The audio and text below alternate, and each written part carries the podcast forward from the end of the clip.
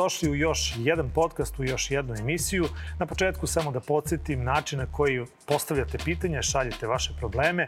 To je e-mail adresa pitajteđuru.nova.rs, Facebook, Instagram, Twitter, mreže Pitajte Đuru, a naravno možete poslati vaše pitanje ili pozvati Viber broj 069 I upravo tako stiglo je jedno pitanje koje se odnosi na park Manjež, pa da čujete o čemu se radi. Naime, naša gledateljka piše ovako. Draga ekipo, pitajte Đuru, naime na klupama u parkovima mi je gadno da sedim od svih pikavaca kojim su okružene. Većina ovih klupa u neposrednoj blizini kante, ali naši sugrađani smatraju civilizovanim da ih samo bacaju na pod i na travu. Na jednoj klupi sedele su dve gospođe koje su pušile i takođe pikavac bacile na pod. Na drugoj je bila mlada mama koja je dojela bebu. I čovjek se onda zapita jel deca treba da se šetaju među pikavcima kada se igraju u parku. Je li ovo nekome lepo? Je li neko misli zaista da ovako treba? Kao neko ko često putuje u Budimpeštu, mogu vam reći da je u njihovim parkovima zabranjeno pušenje, slobodno ovo proverite, u parkovima ni jedan pikavac, a pušenje ne zabranjeno i na gradskim stanicama za prevoz, isto nema nikakvih pikavaca oko stanice i niko ti ne izdiše poslednji dim koji je uvukao u prevoz. Ova tema me posebno brine jer uviđam da su kod nas sve relaksiranije mere protiv pušenja. Poslo je normalno da vozači gradskog saobraćajnog preduzeća puše unutar prevoza dok voze ili čekaju da krenu. U poslednje vreme viđam i putnike gradskog saobraćajnog kako puše na otvorenim prozorima. Ajde taksisti, oni su iz prošlog veka, u Cargo isto postalo redovno pušenje. Pre neki dan sam zvala inspekciju jer su ljudi pušili unutar zatvorene paliulovske pijace. Ovo je zasebna, iako povezana tema, povodom koje planiram takođe da vam se obratim. Najveći, najljepši pozdrav i velika zahvalnost za sve što radite. Tako je pisala naša gledateljka, a za sada stiže odgovor iz Sekretarijata za komunalne i stambene poslove grada Beograda Beograda. Kažu oni ovako, deo koji se odnosi na održavanje javnih zelenih površina, parkova, obaveštava nas da se radovi na održavanju čistoće, to jest čišćenje čvrstih zastora, sakupljanje lakog otpada, praženje džubrijera, obavljaju prema dinamičkom planu radova Zelenila Beograd. Većoj zapaljenosti površina i prostora oko džubrijera i klupa na zelenim površinama doprinosi nenamensko odlaganje kućnog smeća na zelenim površinama, kao i nesavesno ponašanje pojedinih korisnika. Zelenilo Beograd, kome je povereno održavanje javnih zelenih površina, neprestano se trudi da dinamiku radova prilagodi stanju na terenu kako bi javne zelene površine izgledale uredno i čisto. Zakonska regulativa, mere ograničenja kao i kontrola zabrane pušenja, upotrebe duvanskih proizvoda ne nalazi se u nadležnosti Sekretarijata za komunalne i stambene poslove, a radnici Zelenila svakodnevno tri puta dnevno izvode radove na čistoći u parku Manjež. Intenzitet čišćenja površina podrazumeva i određeno ponašanje korisnika zelenih površina, što nažalost nije uvek slučaj. Nesavesnim Ponašanjem pojedinaca otežava se uspostavljanje komunalnog reda na zelenim površinama. Samo odgovornim ponašanjem prema našem okruženju možemo obezbediti da Beograd bude čist, zdrav i uređen grad. Eto, za sada je stigao odgovor iz Sekretarijata za komunalne i stambene poslove iz Gradskog zelenila, koji je zadužen u ovom slučaju za park Manjež i za sve parkove da vodi računa o toj čistoći. Kažu da će u buduće voditi računa da ovaj park bude zaista čist tri puta dnevno kako je po dinamici radova. Vidjet ćemo da li nakon vašeg pisanja i ovoga što ste vi poslali u video zapisu, da li će to zaista tako i biti, a molim vas da javite se terena da li se stanje popravilo.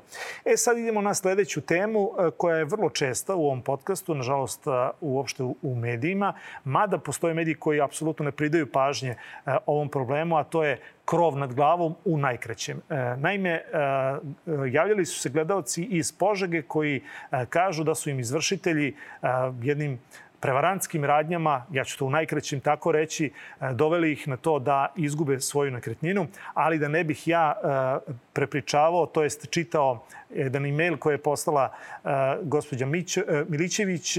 To će učiniti gospodin Rade Milićević koji je sada sa nama na vezi, pa da čujemo kako i na koji način ste vi došli u ovu situaciju da se obraćate nama i da vam izvršitelji rade to izvršenje, to jest nekoliko puta su to pokušali i da preti opasnost da ostanete bez svoje nekretnine. Dobar dan i dobrodošli još jednom. Dobar dan. Dobar dan i hvala što ste me pozvali u emisiju. Ajde da objasnimo gledalcima u najkrećim crtama, dakle, o čemu se ovde radi. Naj, najkrećim crtama kredit je uzet 2008. godine. A, ako, za adaptaciju potkrovlja stambene kuće čije su vlasnici moji otac i majka. Oni su dali založnu izjavu, međutim kupac, kupac koji je sad uzeo, otkupio tu kuću, iako ima manju ponudu od moje i bratove, je došao do cele kuće koja je u startu imala 149 kvadrata po založnoj izjavi. Međutim, sad ima 308 stambenog kvadrata i to je upisano tako kako je upisano u Zavodu za RGZ i on je bukvalno sa cifrom od 3 miliona i 21 hiljadu uzeo ceo objekt. E sad kažete mi... Iako smo... Mm, kažite mi, vi ste dakle uzeli, e, koje, koje e, hipoteka na koga je glasila? Dakle, vi ste uzeli kredit za to potkrovlje, koliko sam vidio u vašom mailu, to je nešto oko 20.000 evra i na osnovu toga sada izvršitelji idu dalje, a takođe je bitna stavka da vama nije ponuđeno kao, kup, kao nekome ko ima pravo kup, preče kupovine ta priča vam nije ponuđena, već e, je po mnogo nižoj nego tržišnoj vrednosti e, drugi kupac kupio vašu nekretninu. Tako je. Odmah ću vam reći, radi se o cifri od 35.000 evra namenski uzeto za adaptaciju potkrovlja u stambeni prostor. Taj prostor sad ima 120 kvadrata, znači u fulu sa grejanjem i tako dalje, dva mokra tvora i više soba i tako dalje i to je, to je pripalo meni i taj stan uh, iznad gore fizički odvojen od tog dela kuće za koju je data ovaj, založna izjava i tako dalje. I, ali je uh, igrom nekom slučajem okolnosti pripalo, uh, pripojen za kuću i oni su prodavali kuću u gabaritu od 159 kvadrata. Tu postoji još podrum i dvorišni deo i je negde oko 330 kvadrata i sad ne, nekom igrom gde sam se ja izžalio i sudu i višem sudu i ostalom gde se jasno vidi da je stan na moje ime, znači overen u sudu kao poklon od oca i majke. A založna izjava je data na 149 kvadrata postojaće kuće, jer su otac i majka bili vlasnici, vlasnici to, to, te kuće prizemlje gde je stepenište fizički odvojeno i ostalo. Međutim, tom čoveku je sve pripalo, mi smo imali ponudu ovaj, po 3 miliona i 100 i sve smo to blagovremeno obavestili i sud i viši sud i osnovni sud u Požegi uglavnom odgovora nije bilo. Prva procena... Samo da pojasnim, dakle, o, o kojoj ponudi pričate? Da, da bude gledalcima jasno. Ko je dao tu ponudu? Prva, ponuda se, ponude smo davali u prva dve licitacije nije bilo zainteresovanih kupaca. Onda smo mi, moj brat Predrag Milićević je dao ponudu od 3 miliona i 20, 20 hiljada i dobio je odgovor od advokatske kancelarije Lazarević Pršić iz Beograda koji su vodili slučaj za banku, to izvršenje ovaj, dobio je odgovor da je premala cifra i da se traži 3,5 miliona. Tražili smo zahtev na uvid, pošto je Predrag Milićić jedan od naslednih kolena, nije jedan, nego je nasledno koleno Dragog i Kovine Milićević, kao sin mlađi, ovaj, je tražio uvid u predmet, nisu nam poslali ni jednog trenutka, nekako smo na pamet poslali sledeću ponudu na 3 miliona i 100 i nismo prošli sa tom ponudom, kupio je čovjek za 3 miliona 21 hiljada. Znači samo 1000 dinara razlika, ako sam vas ja dobro razumeo, ali tako? Tako, tako, tako, tako je to. E sad, ovde je asistirala e, policija, vi ste poslali, vi ste poslali i fotografije i snimke kako to je izgledalo u Požegi.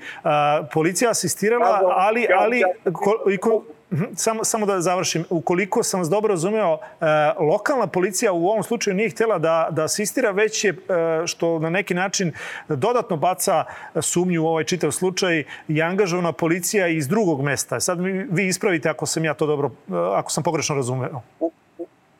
Ukratko, prvo izvršenje 5.5. znači 5. maja ove godine je bilo sa lokalnom policijom, da je došao izvršitelj sa ljudima koji obijaju vrate, da li profesionalno, da li ne, ne znam ja, Ova, i to nije prošlo.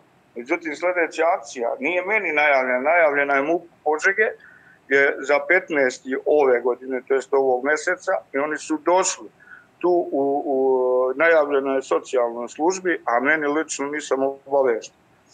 A, ni ja, ni niko moj. Onda su došli e, pripadnici MUPA iz Bajne bašte, Arilja, Užica. To je jedna akcija bila otprilike sa nekih 5-6 marica gde su bile lokalne ulice zatvorene, prilazi objektu gde je, gde je izvršenje, to je našoj porodičnoj kući.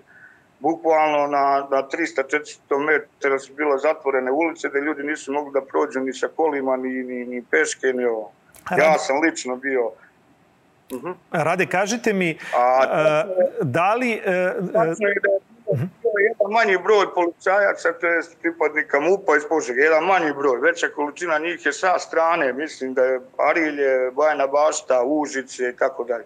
Nisam, ne znam tačnu informaciju, Ovaj, Rade, ali, kažite mi, da li je ovaj slučaj dalje na sudu? Dakle, da li je sudski proces gotov?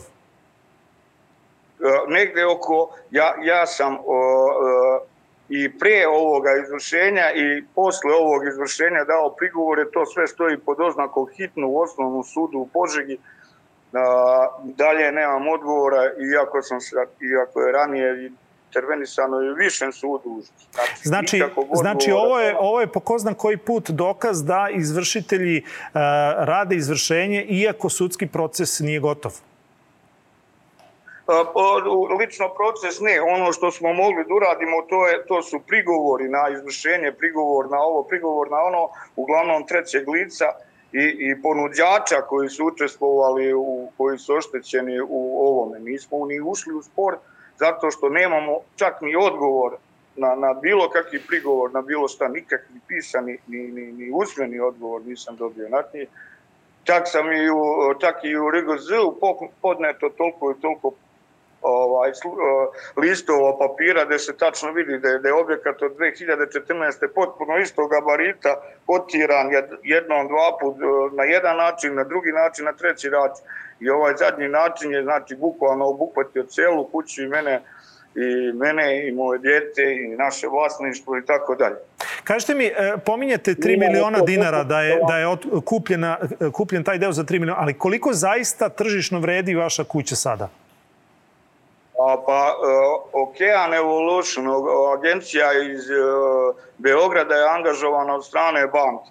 I mi smo imali prigovor od strane oca koji je inače građevinski tehničar bio godinama ovaj, radio Ratku Mitroviću. Oni su procenili objekat sa četiri mokra tvora i šta ja znam, sa grejanjem etažnim i tako dalje i tako dalje, novo građen 2010. godine, 2011. useljen za, za neki dve, i, i 200 metara, nijema ni 200, 150 metara od centra grada su procenili na 200, manje od 280 eura po kvadratu.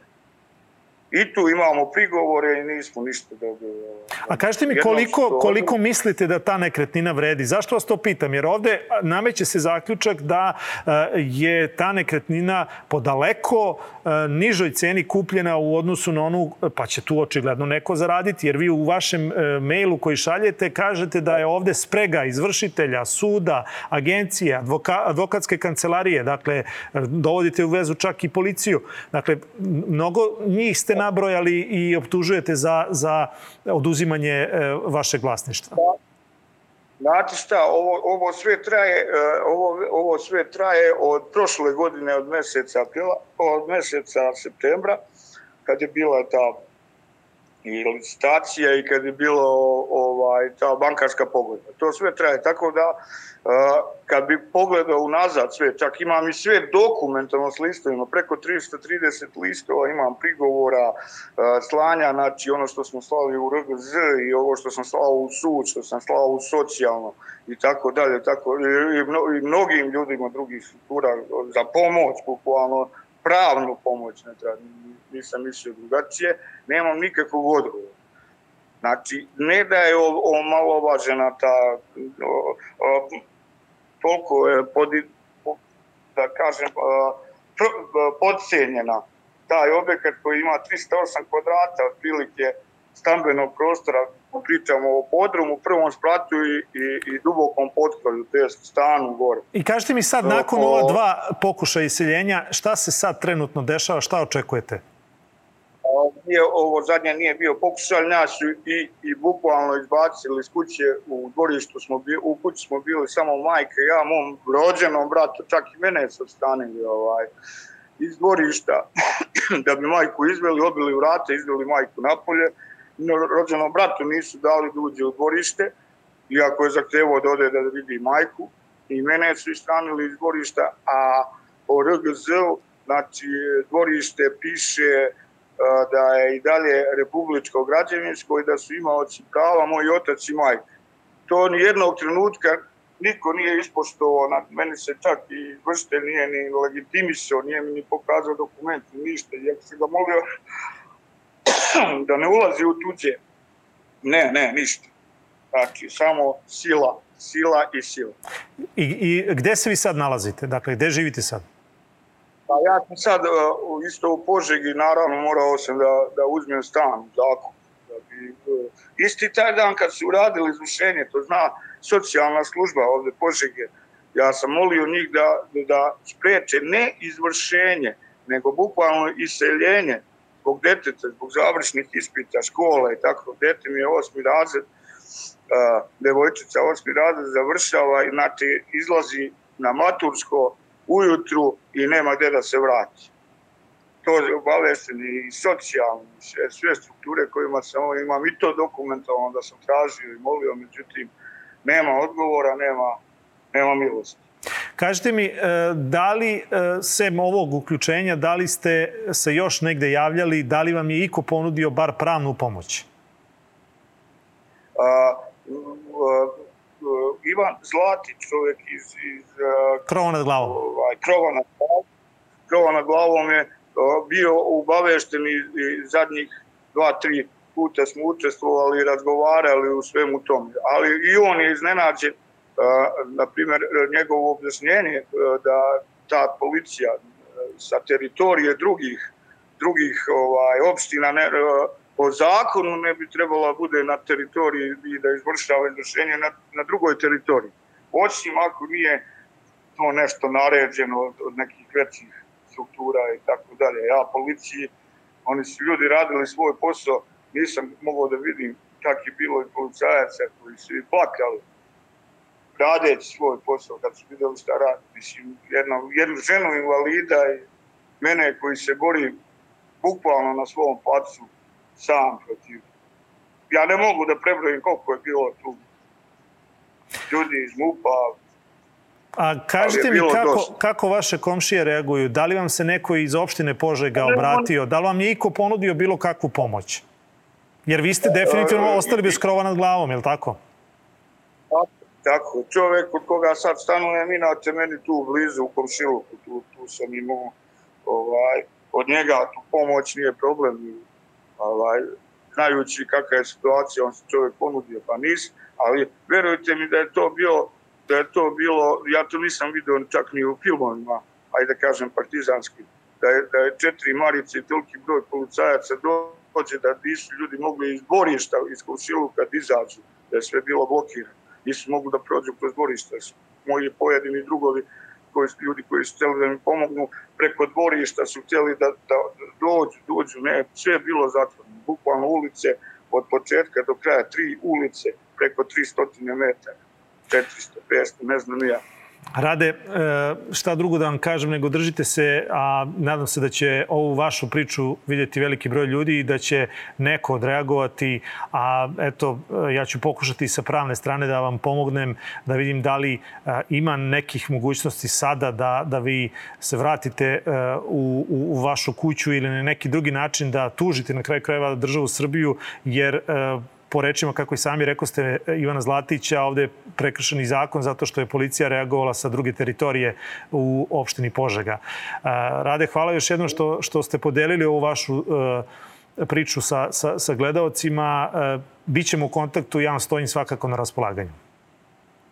Hvala i vama što ste me zvali. Ja sam mislim da je jedan veliki problema to najavljanje suda, ne blagovremeno odgovaranje i tako dalje. Da li to neko koristi, pretpostavljam da da i pitanje je sad ko, ko se sad bavi tim uh, otimanjem tih parcela. Danas ja, sutra ko zna ko, daj Bože da, da, da ovo bude imalo efekta. Rade, još da, jednom, Rade, još jednom hvala na, na javljanju. Bićemo svakako u kontaktu. Bio to Rade Milićević iz Požege, a mi sa ove priče idemo na a, drugu priču, ovoga puta iz a, Rakovice. A, naime, pisali ste ovako, dobar dan, imam jedan problem, pa da pokušam sa vama da dođem do rešenja. Rakovica, Kakanjska ulica u Beogradu je u pitanju, praženje kontejnera u 7 svako jutro.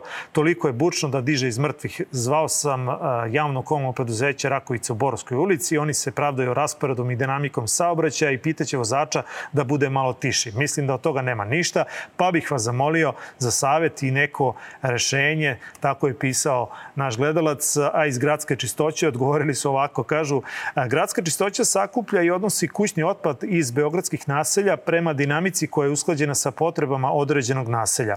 Na navedenoj lokaciji postavljen je dovoljan broj kontejnera zapremljene 1,1 metar kubni za odlaganje komunalnog otpada koji se prazne jednom dnevno svaki dan.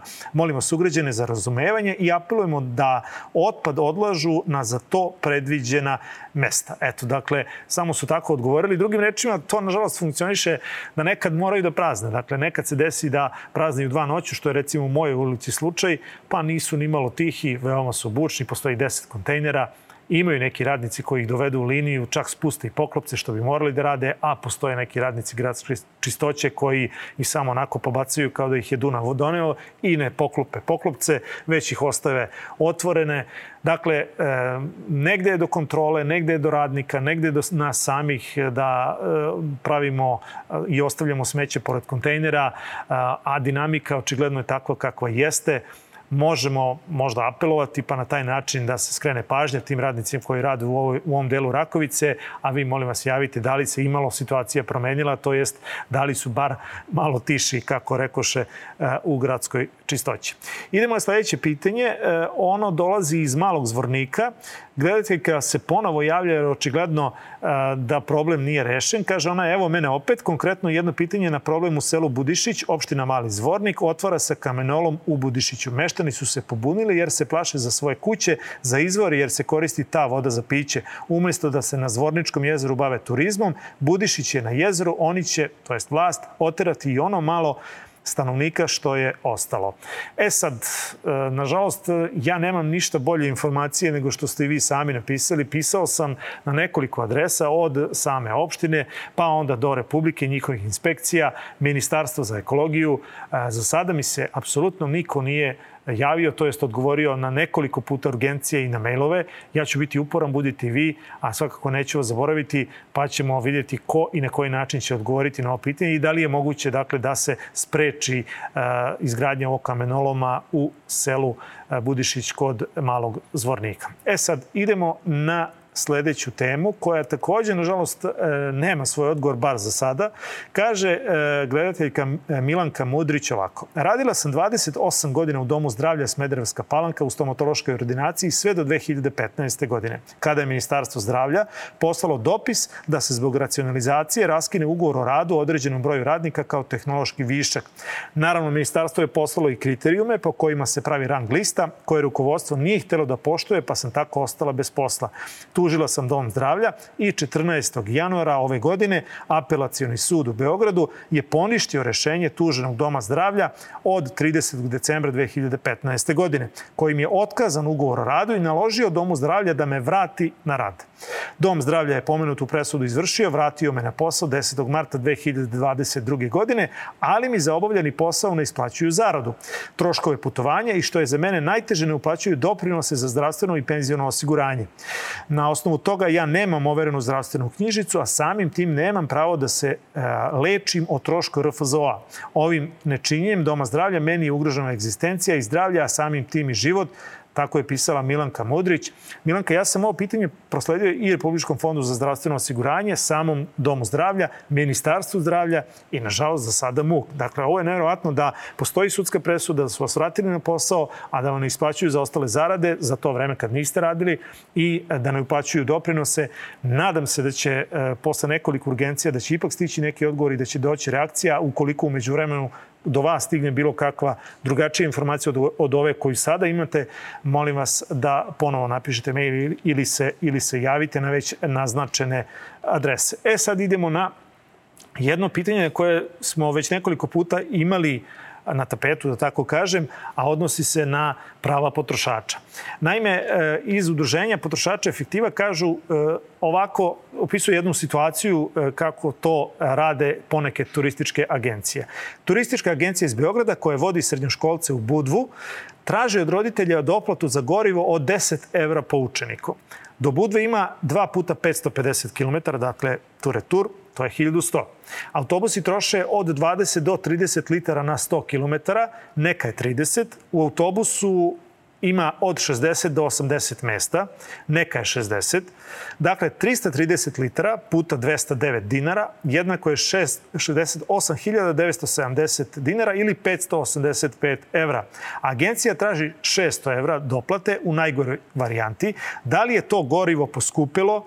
A, ili šta. Ljudi, ne dajte da vas vaćare, šibicari i pilićari, pišite turističkoj inspekciji, prijavite ih. Svako kome neosnovano naplate doplatu ima pravo i na tužbu i povraćaj. Iskoristite svoje pravo, nemojte da ćutite. Dakle, na ovom primjeru Udruženje Efektiva poziva sve one koji na ovaj način a, prosto imaju dodatne troškove da ne daju svoj novac, već da pročitaju ugovor, ukoliko ne stoji u ugovoru, da klauzula u kojoj se kaže ukoliko gorivo poskupi da će poskupiti sam aranžman, na to imate pravo, dakle, da se žalite. Ukoliko to ne urodi plodom, onda opet idete dalje na inspekcije. I na kraju krajeva ukoliko ni to ne urodi plodom, onda ide tužba. I ovakve stvari se po pravilu dobijaju, nego samo u suštini treba sačekati, treba biti uporan uh, u svoje nameri, jer zakon uh, o zaštiti potrošača je na vašoj strani i trebalo bi da uh, sudovi u ovakvim situacijama, ukoliko je sve kako nagoveštavaju iz efektive onako kako, kako jeste. Dakle,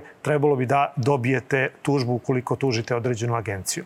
Ajmo sad na sledeće pitanje. E, dakle, idemo na Karaburmu. Ovo je jako kompleksno pitanje.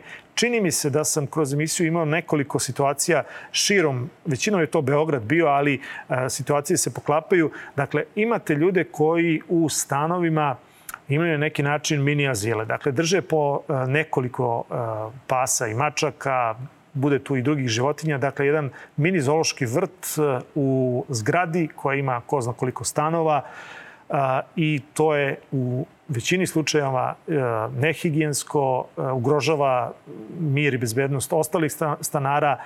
Jasno je da ljudi koji vole životinje da imaju pravo da tim životinjama pomognu, ali prosto mora se naći neka granica šta može, a šta ne može. Ali da ne bih pričao, evo da čujete šta piše, pišu ljudi iz Garcia Lorke 2V na Karaburmi. Kaže, kaže ovako, u nemogućnosti da rešimo ogroman problem koji se tiče ugrožavanja bezbednosti stanara, Vesna Pavlović Ivanić, stan 14, koja je u stanu, drži na ovlašćeno 4-5 opasnih pasa koji mogu da nekog u najmanju ruku teško povrede. Psi nisu izvođeni i šeteni napolju više od godinu, tako da sigurno vrše nužda u stanu. Počeli su da se šire neprijatni mirisi, morali smo da stavimo okapnicu na terasi, jer kad ih puste na isto fekalije se slivaju. Svakodnevno se iz stana čuje lavež pasa, a noću je ta buka nepodnošljiva. Dete je počelo da se budi. Obzirom da kao u svakoj zgradi ima deci i starih ljudi, krajnje je vreme da se nešto preduzme. Bilo kakva komunikacija sa njom je nemoguća. Psi su posledica njenog odnosa prema njima, a ona je uzrok što su psi takvi. Nekoliko puta sam kucao na vrata komšinice da je upozorim na buku i nepodnošljivi svakodnevni lavež pasa, ali nije mi otvorila. A po špijunci sam zaključio da je u stanu spava na podu, u stanu je još isključena struja, roletne su joj stalno spuštene, tako da su psi non stop u mraku. Deluju da su e, polu divlji, tako da se bojim kada bi kojim slučajem izašli iz stana da bi došlo do, u najmanju ruku do ozbiljnih povreda na bilo koga ko, na kog bi naišli. Nespavanje većeg dela zgrade je skoro svaku noć. Komunalna milicija je izlazila desetak puta mahom iza ponoći, socijalna služba Palilula, veterina Beograd, veterinarska inspekcija takođe, nikom nije otvarala vrata i ni u jednoj službi se nije javljala u zakonsko predviđenom roku.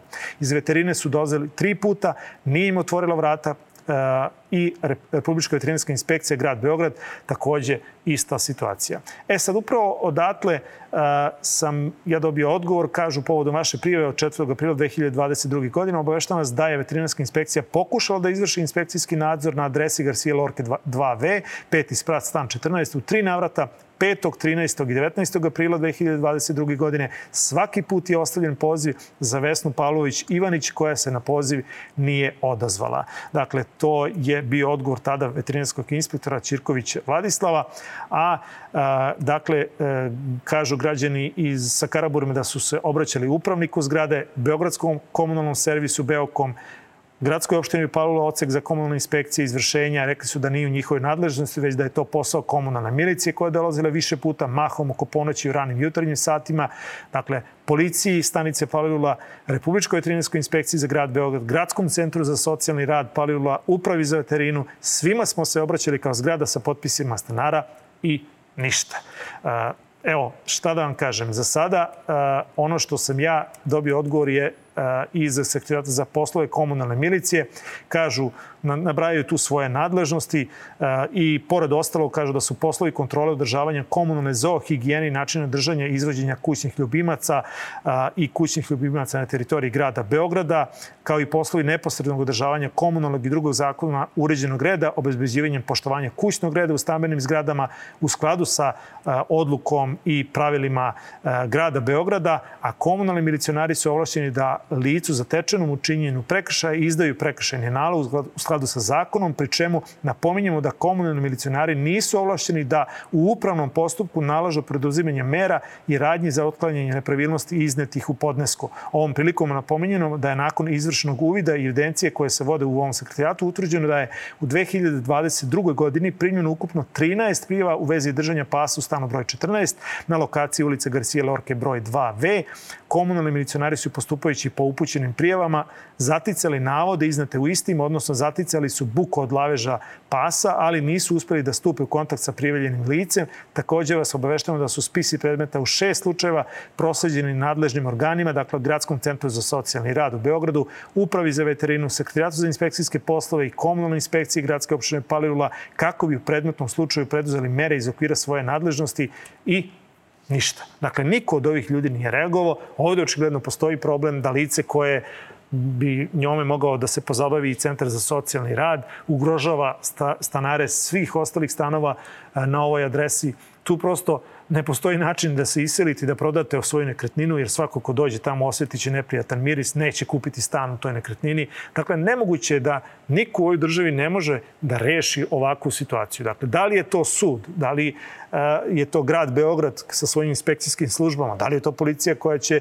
pomoću suda da naloži provalu u taj stan, da vidi o čemu se to radi. Da, nevjerojatno je da, da ovakve situacije, ovo nije jedina situacija koja je na Karaburmi, da ovakve situacije ne mogu da nađu pravno utemeljenje i na kraju krajeva ne samo pravno utemeljenje, nego reakciju u praksi. Zato molim sve ove koji su prozvani i u pismu ljudi iz Garcia Lorke 2V i svih ostalih stanara, slično je bilo i na Banovom brdu u jednoj ulici, koliko se sećam. Dakle, ima ovoga širom Beograda, ljudi koji nisu sposobni da brinu sami, sami o sebi, još imaju i kućne ljubimce, većinom su to psi, i još jednom ponavljam, dakle, ugrožavaju bezbednost i miran san i uopšte stanovanje svih ostalih u zgradi. Apelujem, dakle, na sve ove koji su prozvani ovde da reše ovaj problem i da, ili da bar kažu zašto ga ne mogu rešiti. Eto, toliko za a, današnju emisiju. Samo da vas podsjetim, šaljite dalje vaše pitanja. Ja ću se truditi do letnje pauze da a, nađem odgovore na neka od njih ili bar na sva. Dakle, vidjet ćemo koliko će u vremenu jula i avgusta tih odgovora stizati s obzirom na letnju pauzu i na uopšte način na koji funkcionišu službe naše države, i, to jest one službe kojima i šaljemo ova pitanja koje vi šaljete, a da podsjetim broj telefona 069 893 0023 je otvoren, to je Viber broj. Za vaše pitanja šaljite pitanja i na e-mail adresu pitajteđuru.nova.rs ili na Facebook, Instagram i Twitter mrežu Arzu, Pete Tijur.